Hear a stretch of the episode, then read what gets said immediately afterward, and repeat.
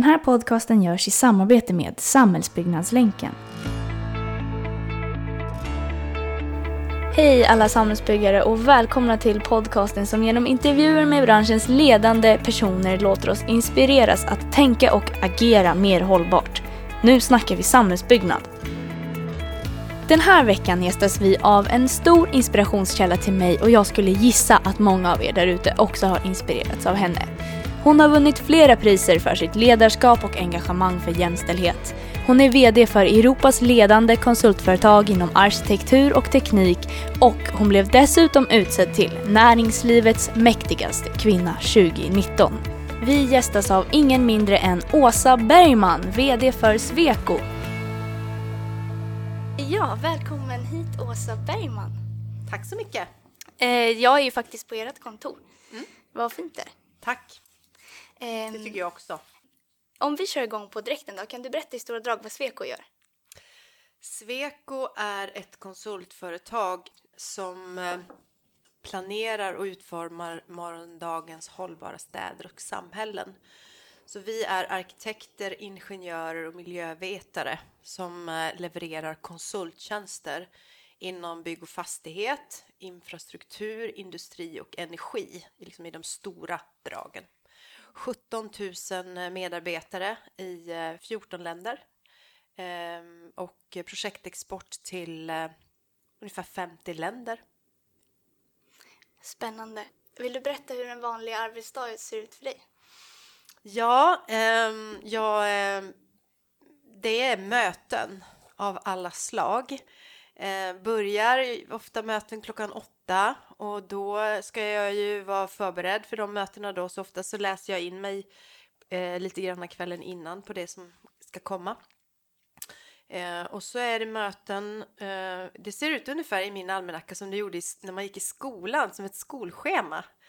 För det är liksom eh, möten från morgon till kväll, oftast ett lunchmöte och sådär och sen så är dagen slut. Så att det förutsätter att andra har förberett eh, liksom innehållet mycket i mötena och det förutsätter att jag har, man har väldigt bra assistent som planerar lokaler och tider och allting sånt där. Och kommer att ge en lite banan och så emellan så att man Ja. orkar. Men eh, så ser det ut ungefär och sen reser jag ju ganska mycket i det här jobbet då eftersom jag har verksamhet i många länder.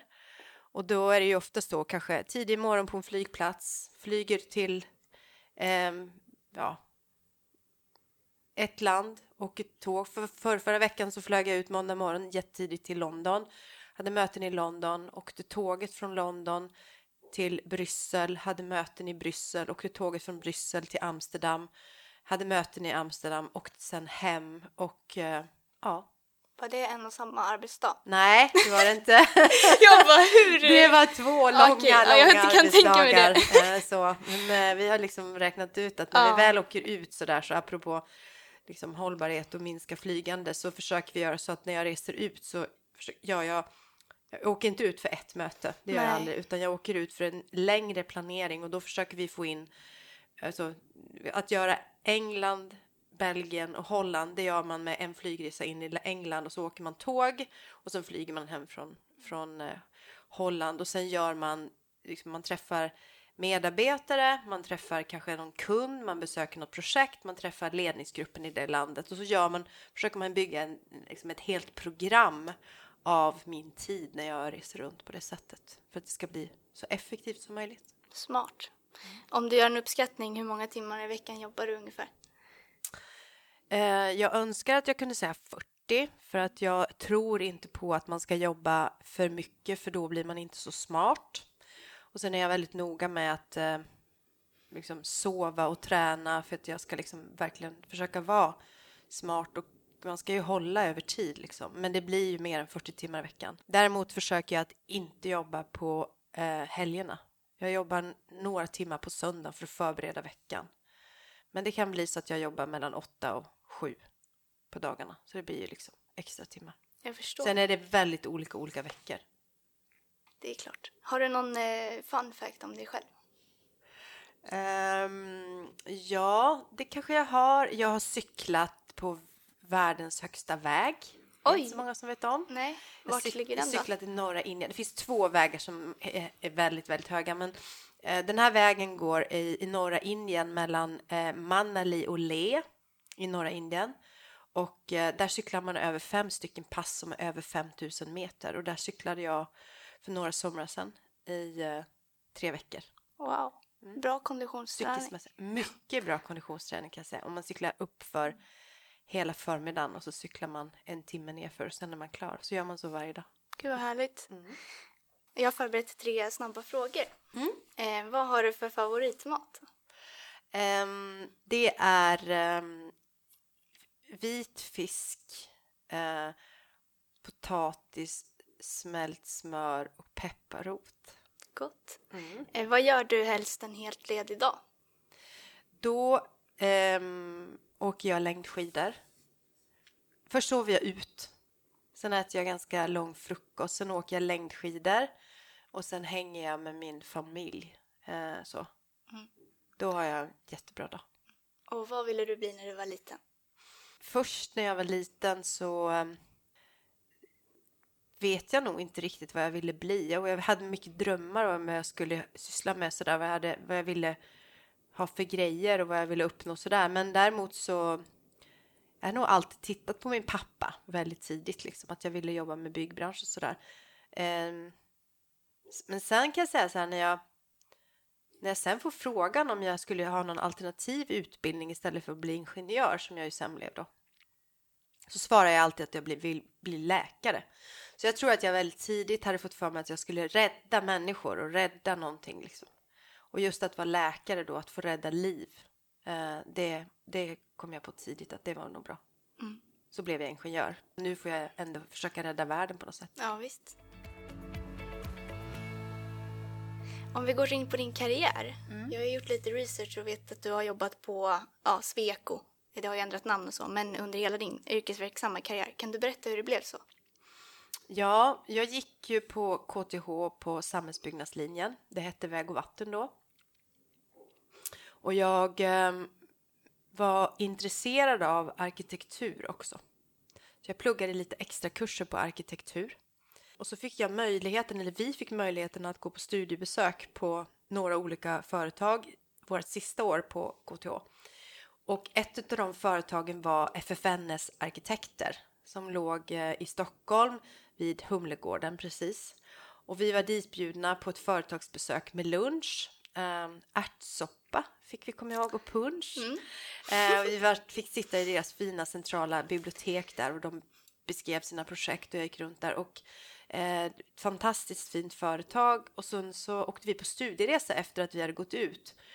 Eh, men då hade jag redan visat intresse för det företaget och sa att jag jättegärna skulle vilja börja jobba där och de var intresserade av mig.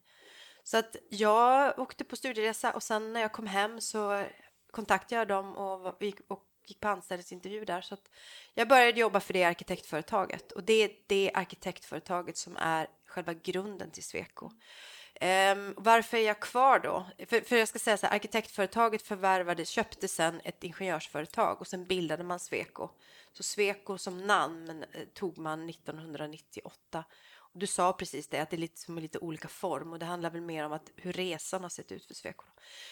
Um, ja, varför har det blivit så? För att det har varit ett bolag med eh, alltså en väldigt spännande projektmiljö. Det har varit väldigt varierande. Jag har känt att jag har fått vara med och bidra till samhällsutveckling på ett väldigt, väldigt eh, alltså bra och relevant sätt. Spännande projekt, kollegor med väldigt hög kompetens. Man har fått lära sig saker hela tiden.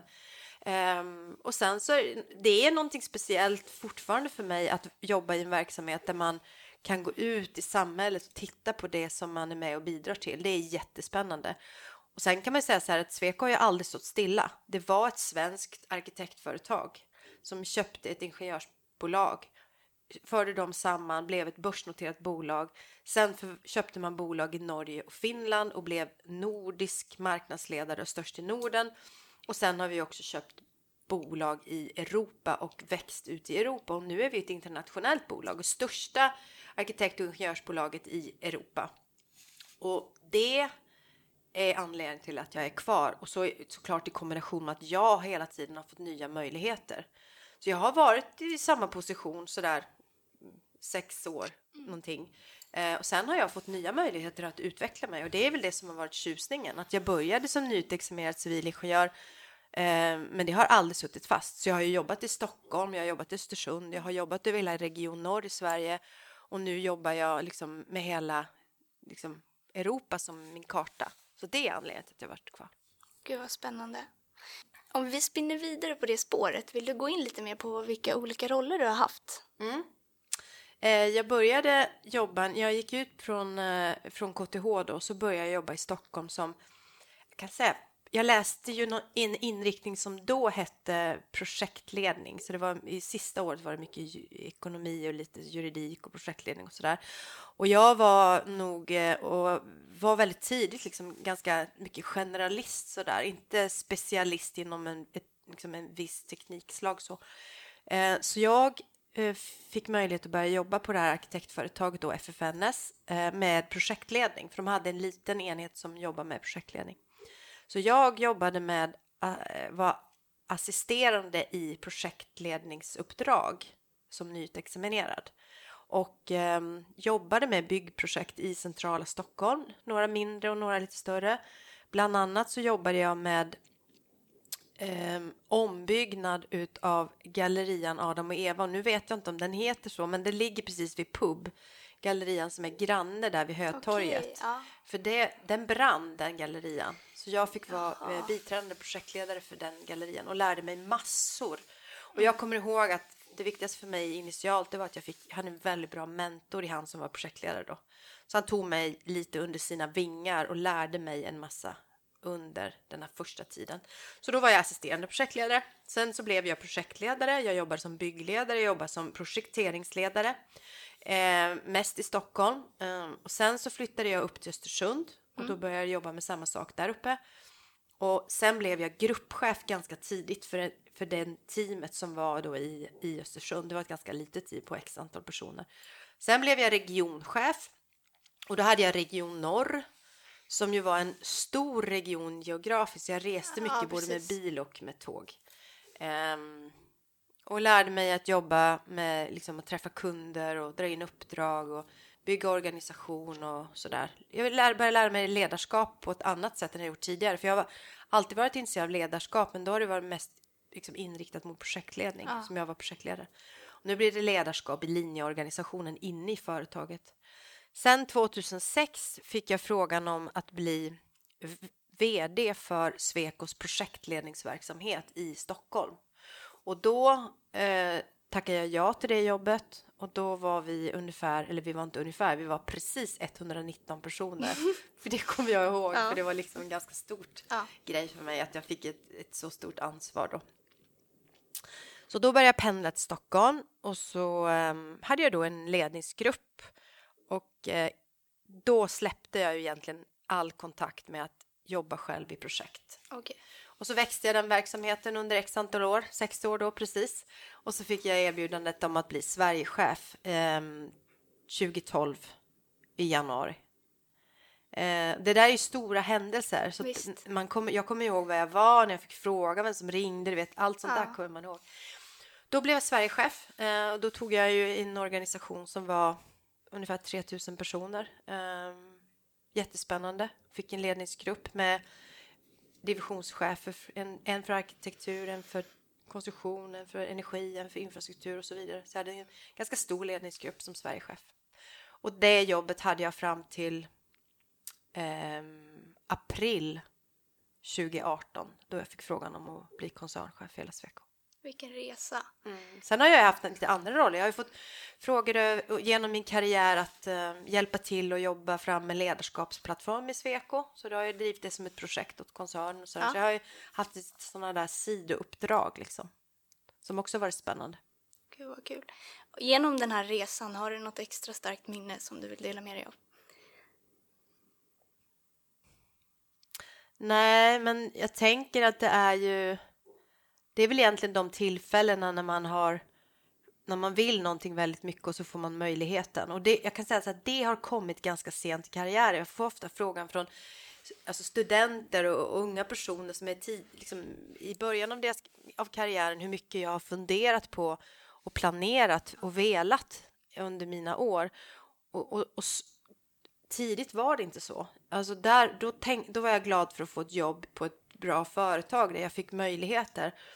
Men jag hade ingen bild, för jag visste ju inte vad det skulle bli. Och det Nej. brukar jag säga till mina barn, att mina ungdomar ska säga, för de är 20 och 17. um, jag brukar säga, ni behöver inte veta allt. Ni behöver inte planera för allt. Försök göra bra val i relation till vilka möjligheter ni får. Och så tar man det därifrån. Har man skaffat sig en bra utbildning så är det en det är liksom en biljett eller en möjliggörare till att kunna välja och så länge man är i, en, i förutsättningar som är väldigt bra och gör någonting bra utav dem, då kommer man erbjudas möjligheter. Och hamnar man fel, då kan man bara välja bort och välja något annat. Eh, det, det, är därför man ska ha en utbildning, för att man ska kunna verkligen välja och få jobba med någonting som man gillar. Eh, utan jag skulle vilja säga att de största, störst, största minnena som jag har, det är ju när jag har fått de här frågorna om att bli Sverigechef och att bli koncernchef. För att de det är så stora kliv och så stora möjliggörare så att när man när jag har fått de där frågorna, de där dagarna när jag har fått de frågorna. Det är väldigt starka minnen för mig. Det förstår jag. Så uh, ja. Det var, det var jätte, jätte, en jättebra dag den dagen jag fick frågan om att bli koncernchef i Sweco. Det förstår jag verkligen tycker vi går in på det här med hållbarhet. Mm. Rent övergripande, hur tänker Sweco där? Eh, hållbarhet är eh, det är det som vi, det är liksom en del av vår verksamhet, det vi sysslar med. Vi, vi driver 70 000 pågående uppdrag i, liksom, i hela Swecos verksamhet. Och som jag sa är det inom bygg och fastighet, med infrastruktur, energi och eh, eh, industri. Och inom alla de områdena så måste vi säkerställa att vi har rätt kompetens, att vi har rätt lösningar och att vi kan vara relevanta för våra kunder.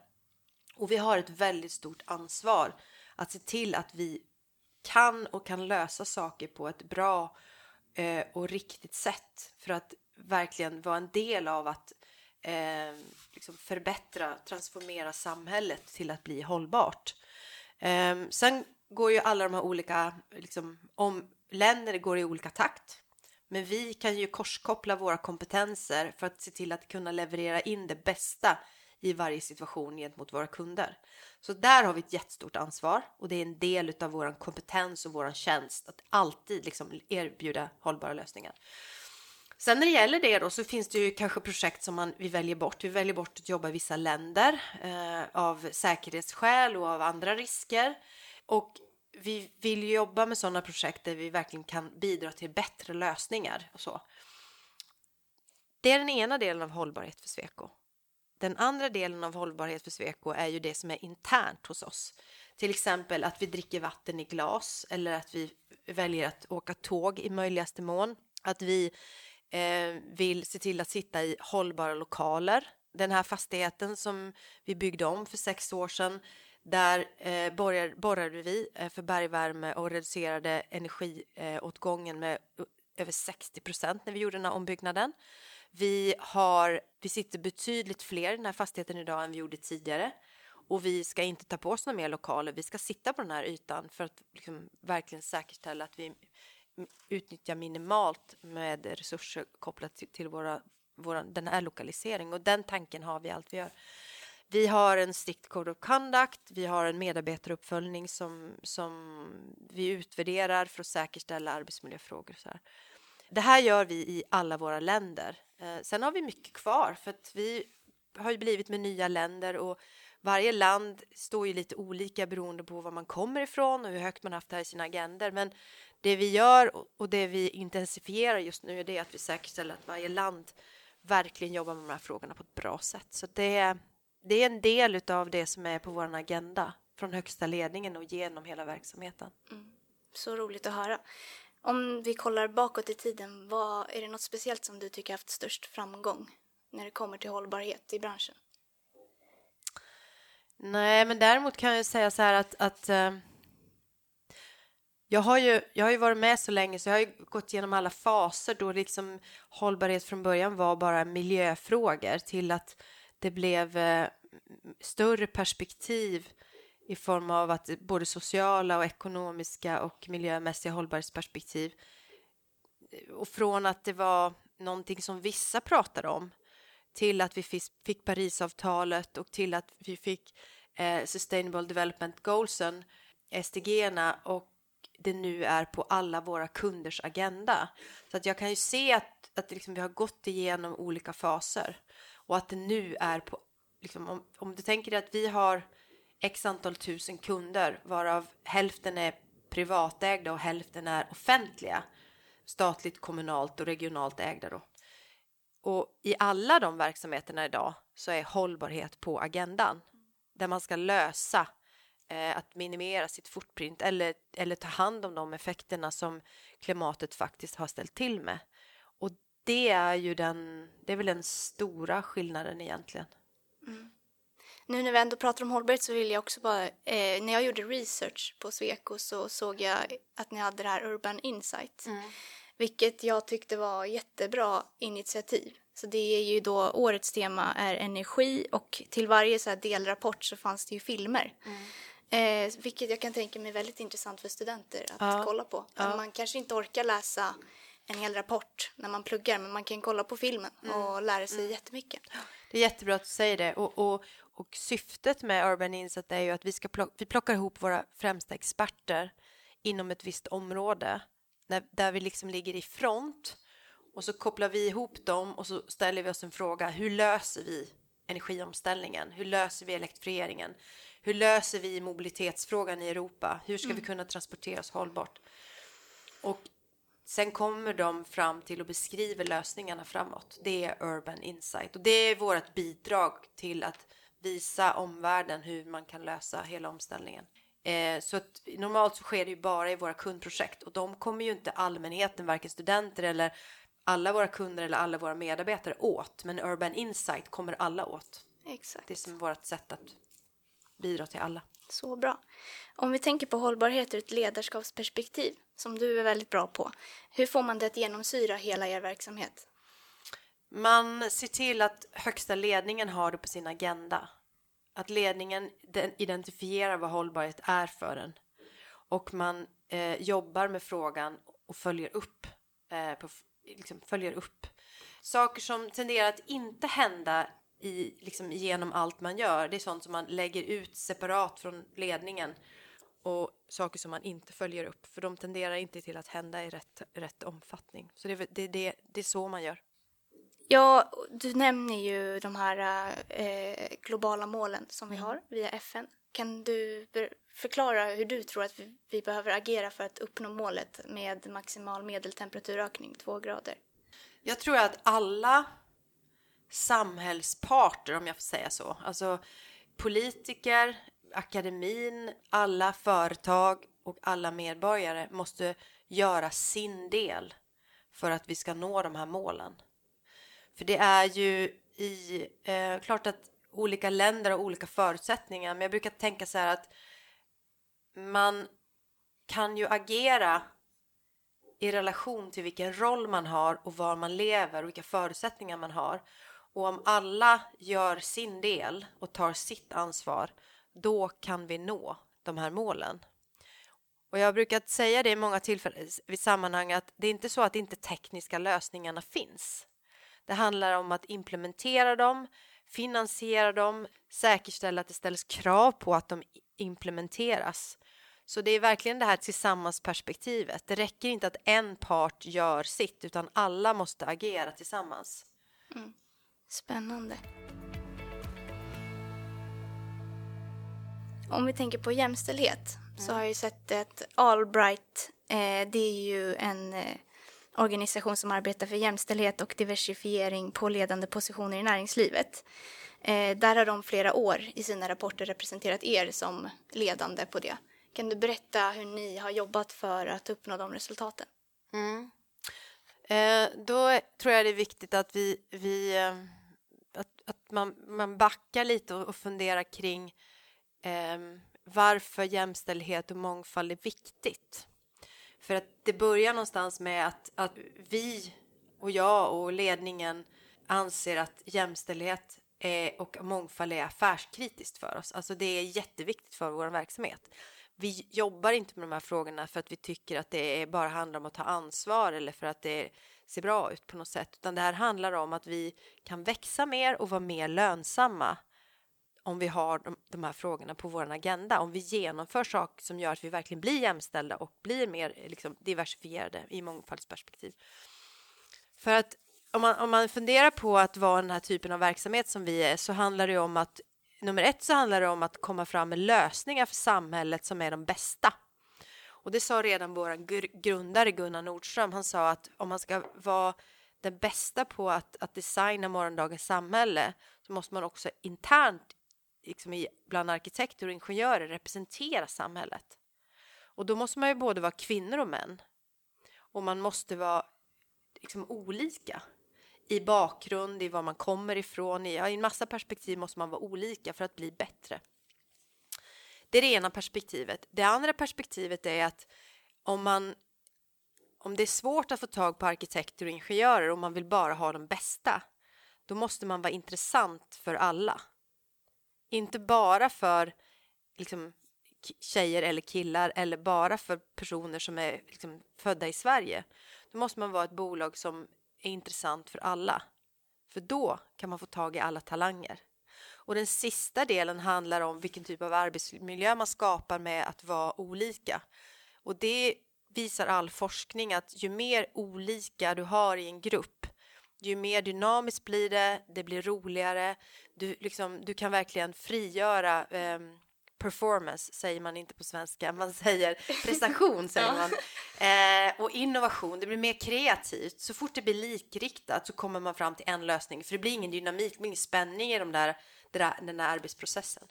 Så det här är de tre delarna, att liksom vara relevant för, för samhället, att, att vara den som är mest intressant för alla talanger och liksom det moderna bolaget och sen att du skapar en mer dynamisk och kreativ miljö som gör att prestationen blir bättre. Och om man förstår de sakerna, eh, då förstår man också att det här är en viktig fråga som vi måste lyckas med. Och då kommer man till det här, ja, hur har ni lyckats med det då? Jo, ett, vi har förstått alla de här sakerna, så det har varit viktigt, det har alltid varit viktigt för Sweco, ända sedan liksom vi grundades. Och två, så, så ser vi till att överbrygga alla hinder. Så vi vet hur vi ska göra när vi rekryterar. Vi vet att vi måste ha på oss glasögonen av gender eh, equality och jämställdhet. Så när vi ser till att, att rekrytera så ska vi rekrytera in och, och tänka oss för. Vi fokuserar på talanger helt enkelt. Och vi ser till att verkligen se till att vi också får tjejer på, på chefspositioner.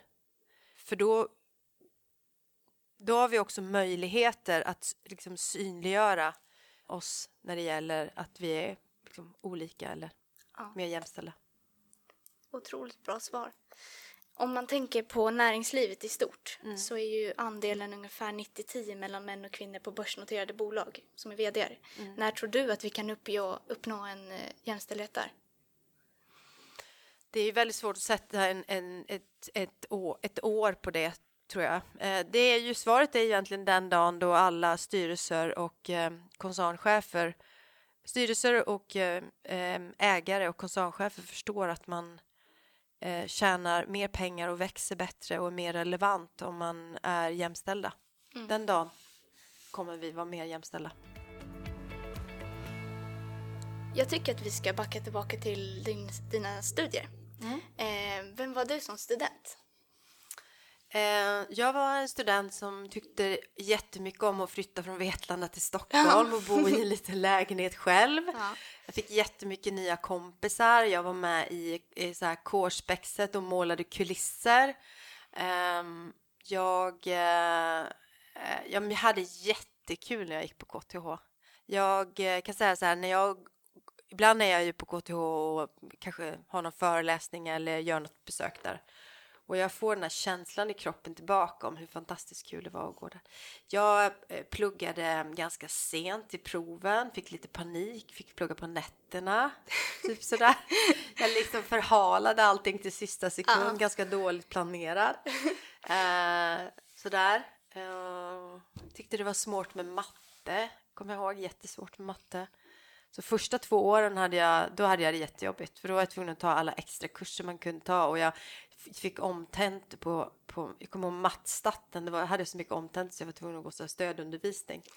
Men jag klarade mig ganska bra Ja, så det har ju gått otroligt bra ändå.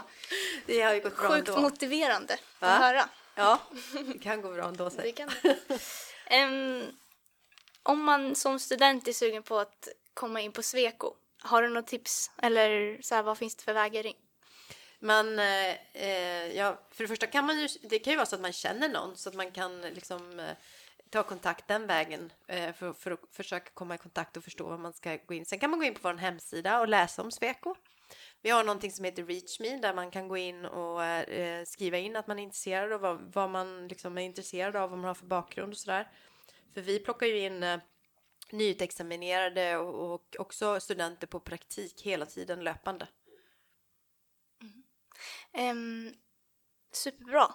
Um, om vi eh, ska ta en avslutningsfråga så tänkte jag om du kan ge tre tips till hur man som student får en rolig och givande karriär. Jag tror att man ska försöka besöka lite olika företag och forska lite på vad man tror att man vill jobba med.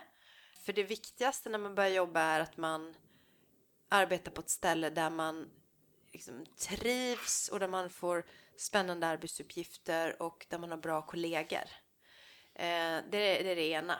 Och sen så tror jag att man ska ja, verkligen eh, försöka söka sig just till ett sånt område som man brinner för. För där kan man ju bidra mest eh, och då kommer man också känna motivation och engagemang. Så jag tror att det är viktigast att söka sig till att arbeta med någonting som man verkligen brinner för. Och sen ha lite tålamod också. Det krävs lite tid i början när man börjar jobba. Liksom att man, det finns saker man ska lära sig som man inte har fått lära sig när man pluggar. Och det gör att jag kan uppleva ibland att, att tålamodet är så här, inte jättelångt när man är nyutexaminerad. Men att liksom, tänka så att gör man bra ifrån sig och är på ett ställe där man trivs så är det bättre att man försöker liksom, jobba på men också vara tydlig med vad man vill och liksom, prata om det. Eh, då får man förr eller senare möjligheter. Och sen när man får frågan om de möjligheterna, då ska man säga ja. Det har jag alltid Om jag säger det. Man ska säga ja då om man får Ja. möjligheten till att testa något nytt eller jobba med något nytt eller så. Superbra tips. Det har varit en ära att få diskutera jämställdhet och hållbarhet med dig. Tack, jättekul.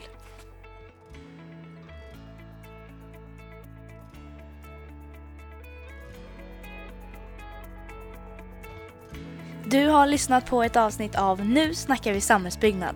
Jag hoppas att du tyckte om det, för i så fall hörs vi nästa vecka.